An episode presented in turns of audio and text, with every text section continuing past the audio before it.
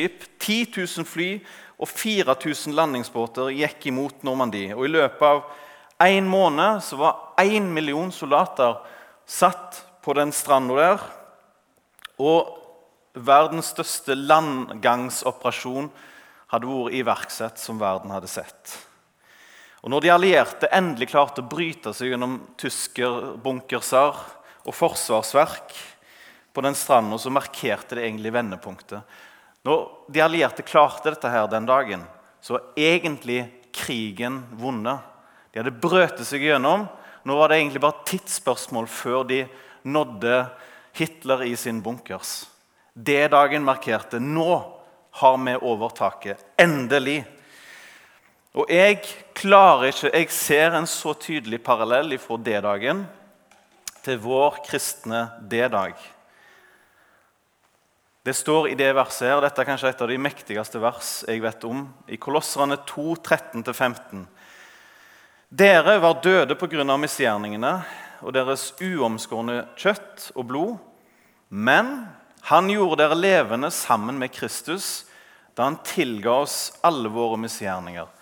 Gjeldsbrevet mot oss slettet han. Det så skrevet med lovbud. Han tok det bort da han naglet det til korset.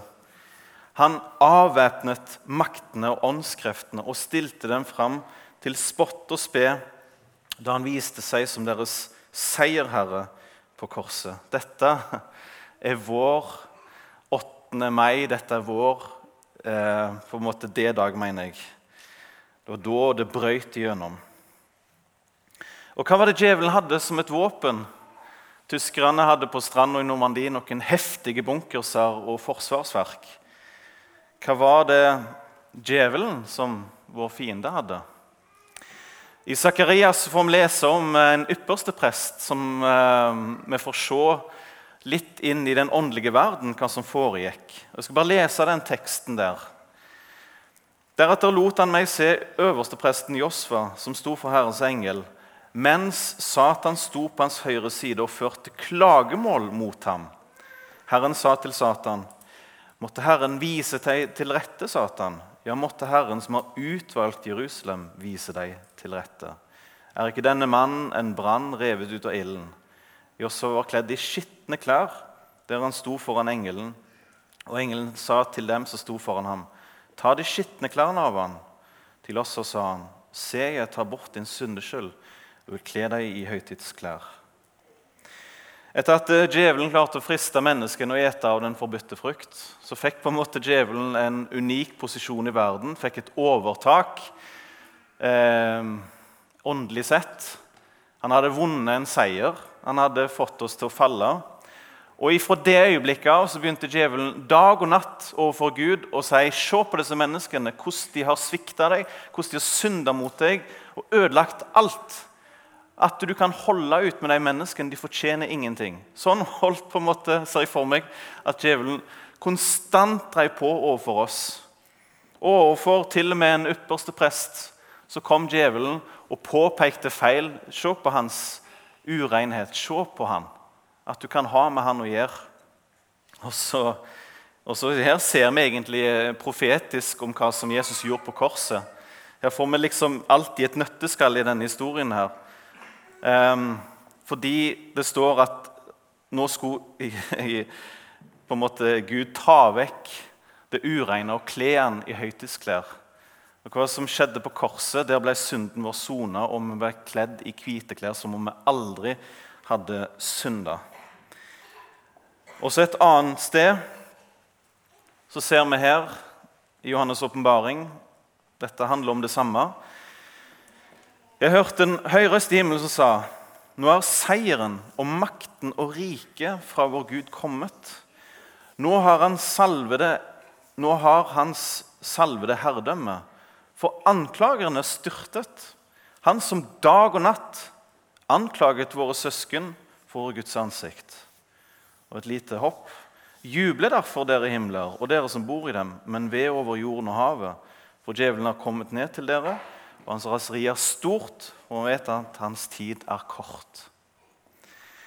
Jeg tror at eh, når de allierte klarte å bryte gjennom og de var på vei innover i Europa for å frigjøre resten, så tror jeg at det for mange, og inkludert Hitler, var det et stort raseri over tilstanden som var nå. Nå vet djevelen at han egentlig har tapt, men han er, han er på en måte i den illsinte posisjon vil gjøre mest mulig ugagn før løpet er endelig kjørt.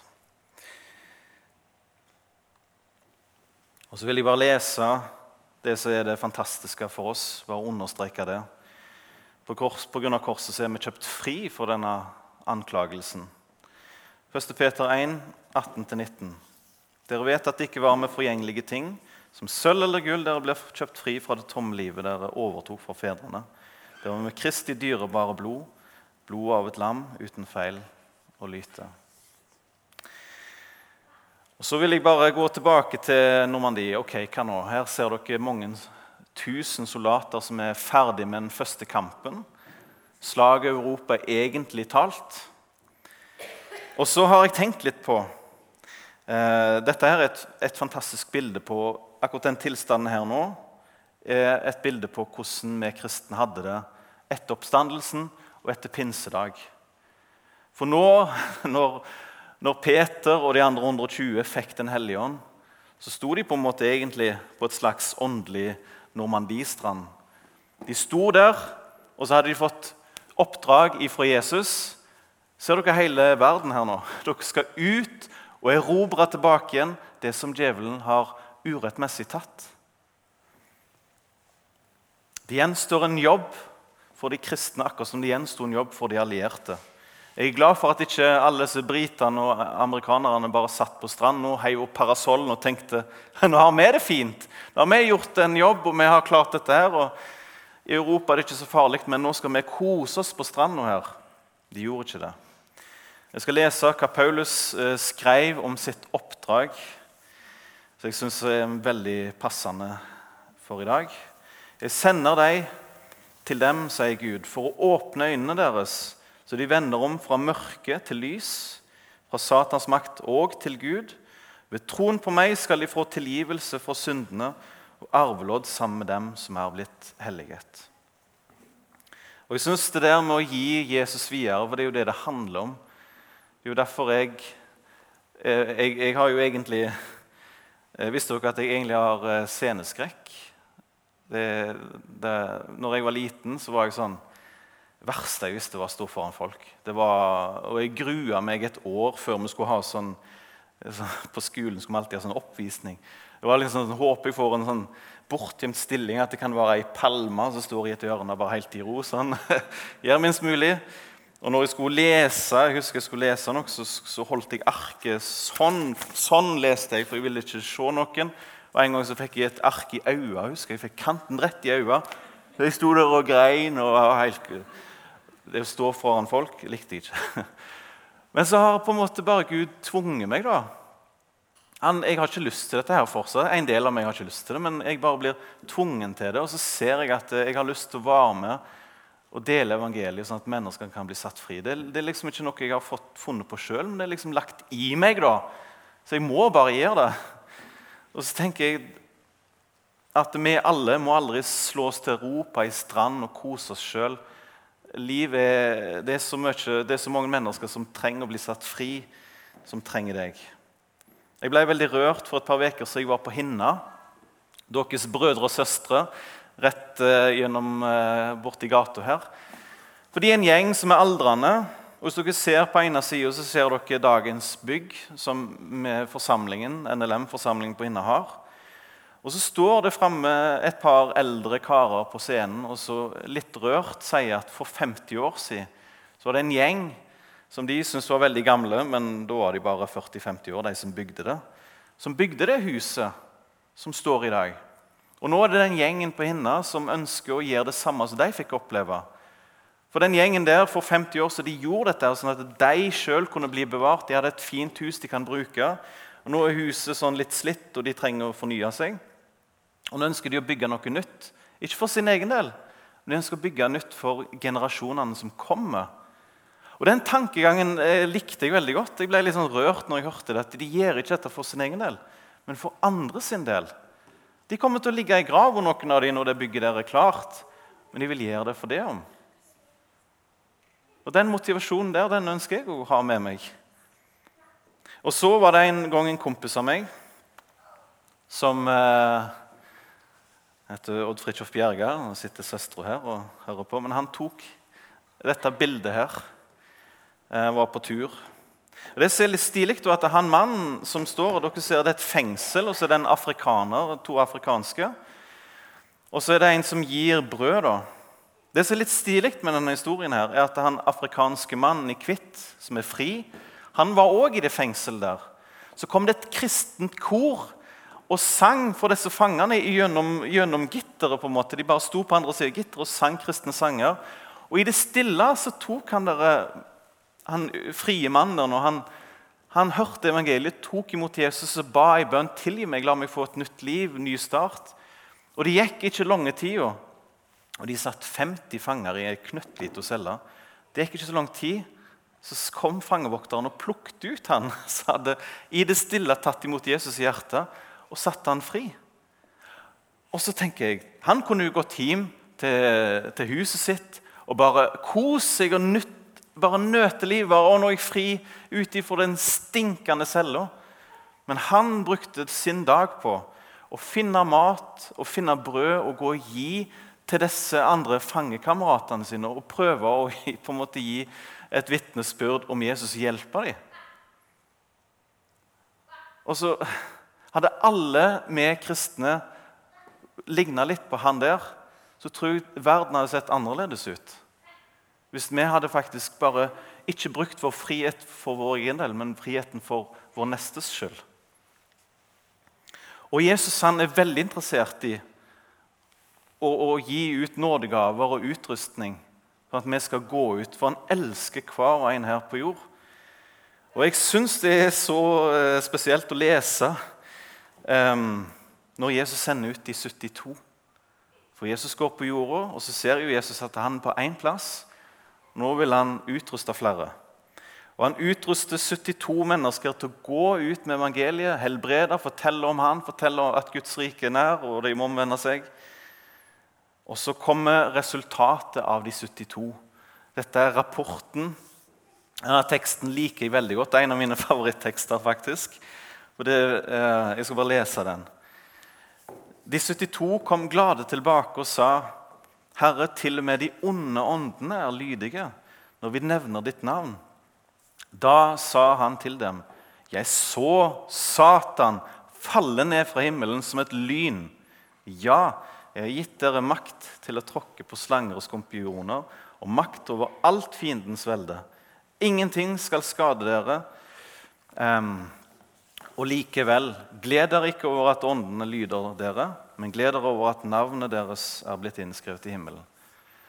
Her vil jeg bare si en parentes, det er ikke hovedtingen i dag, men, men Jesus vil virkelig at vi ikke skal bli mer glad i tjenesten og vår posisjon enn at vi tilhører Han. Det tror jeg det er mange som har gått på en smell, som har jobbet i misjon eller tjener i menigheter, at det, det blir viktigere til slutt min tjeneste, at jeg skal lykkes, enn at jeg er blitt skrevet inn i livets bok. Så Jesus bare sier, 'Gled dere mer over det enn hva som skjer med din tjeneste'. Og Det er en god en viktig parentes, syns jeg. da. Um, men her, jeg har jo litt fantasi. Jeg leser jo Bibelen så prøver jeg å se for meg hva som egentlig har skjedd. og Jeg syns det er så spesielt å lese at djevelen falt til jorda. For, for hvor er det djevelen har sitt kontrollsenter? Vi tror av og til at det er nede i jorda, i noen grotter og systemer. Han går der med en høygaffel og sånne ting. Men han er faktisk, hvis vi leser to bibler, skal ikke få det opp nå, men Efeserne 2.1 og, og 6.12, så står det at det er i himmelrommet djevelen opererer først og fremst. En plass mellom sikkert Guds himmel og vår jord så er det en plass som djevelen holder til. Um, luftens herre blir han kalt for òg. Herskeren i himmelrommet, står det. Men uansett, min fantasi er iallfall denne. da. Jeg har sett for meg at djevelen i sitt kontrolltårn står der med spakene sine og styrer og koordinerer sin ånde her. Og Plutselig så sender Jesus ut 70, og han gir sin makt til deg. Og de 70 springer rundt som maur og gjør jobben sin. Og det blir for mye for djevelen. Det begynner å pipe i kontrollpanelet, det begynner å koke. Han skjønner ingenting. Hvorfor er det plutselig akkurat som det er 70 Jesuser rundt omkring som gjør det?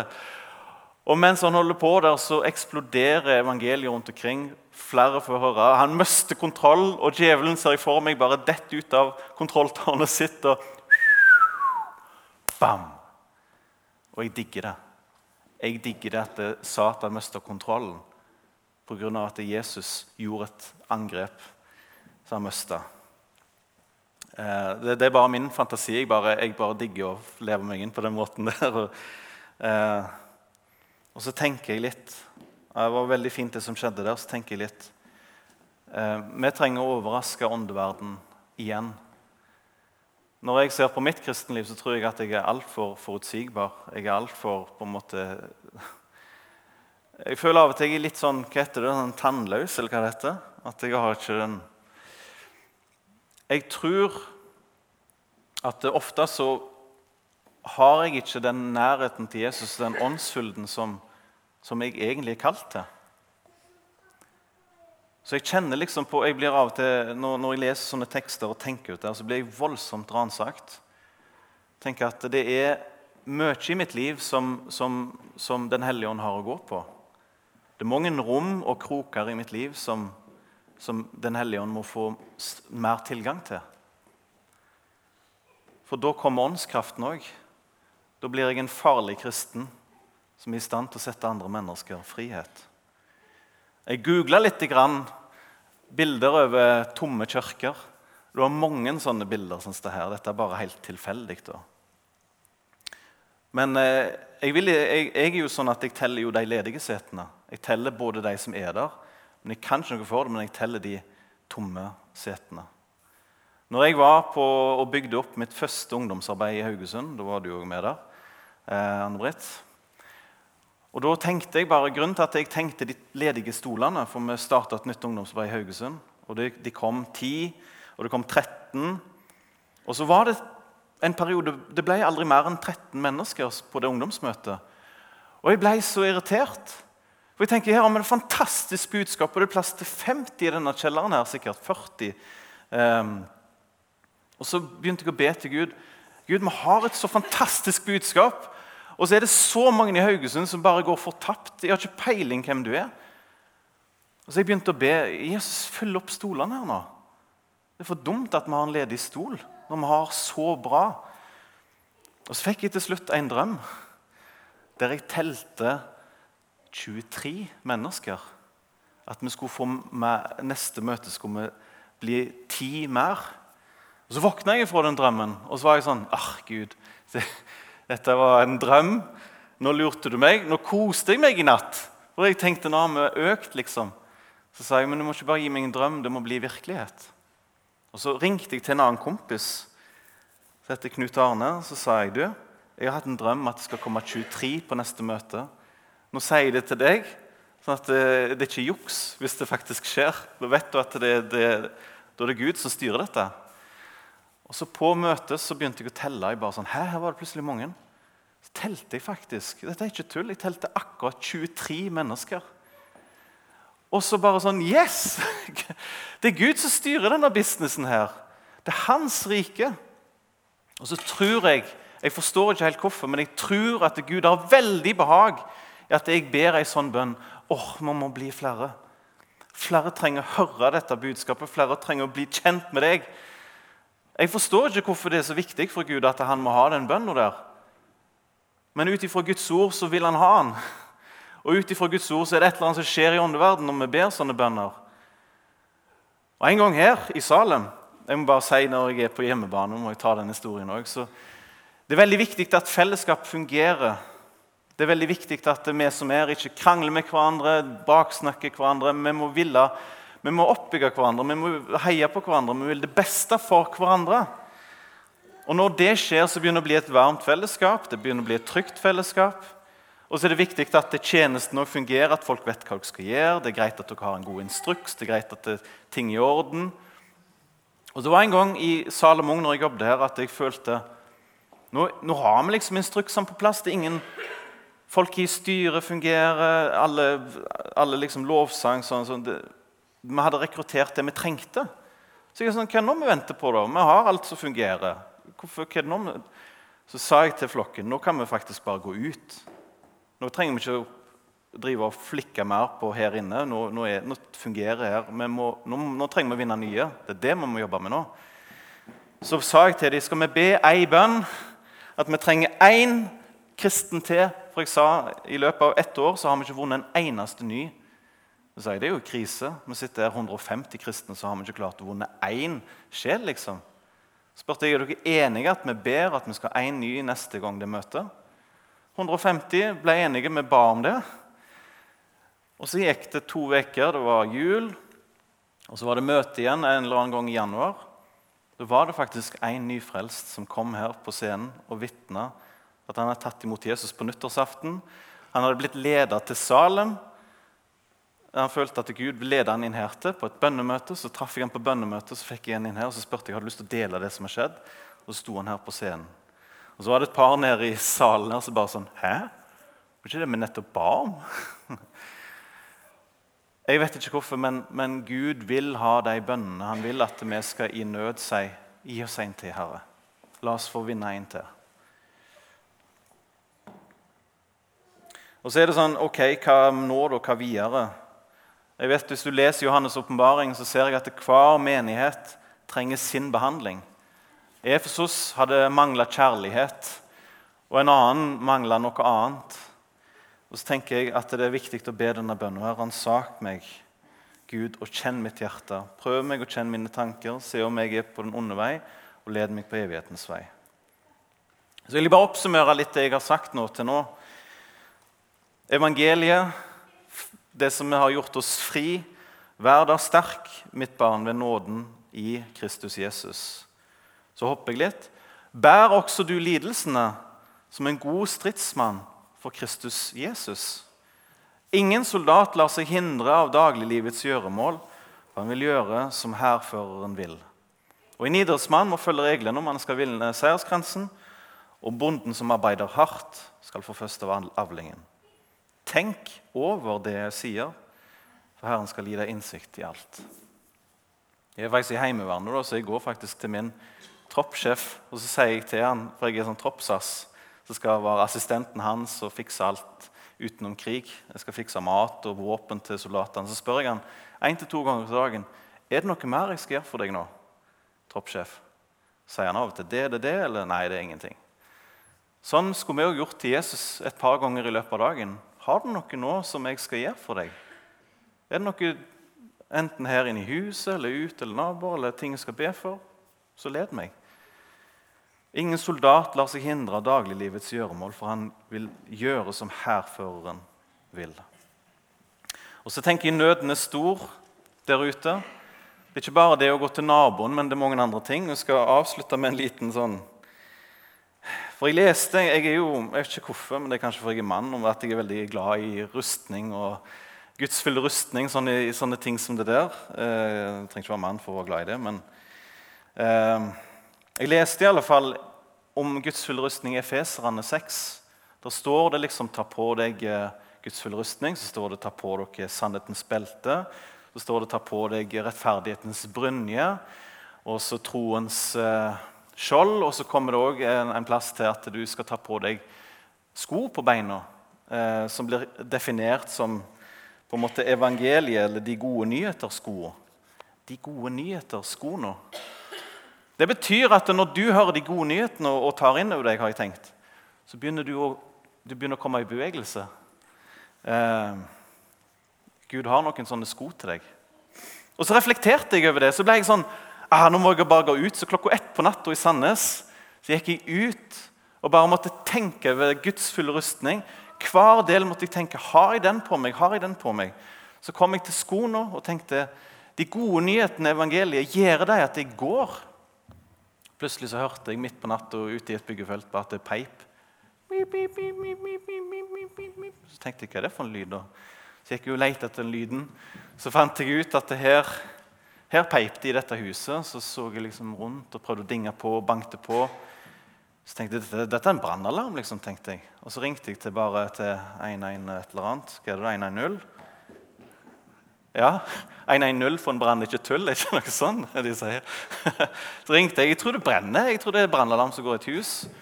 Så fikk jeg lov til hun der branndama som jeg snakket med, at uh, gå rundt huset, se rundt omkring. Så gikk jeg rundt så bare sånn Wow, ok, det ryker kjempemasse her inne i huset. Det, det, det, er ikke, det, er ikke, falsk alarm, så dere må komme.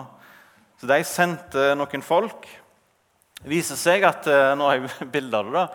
Der inne gikk jeg rundt. var tjukt i røyk. En fyr som hadde drukket altfor mye.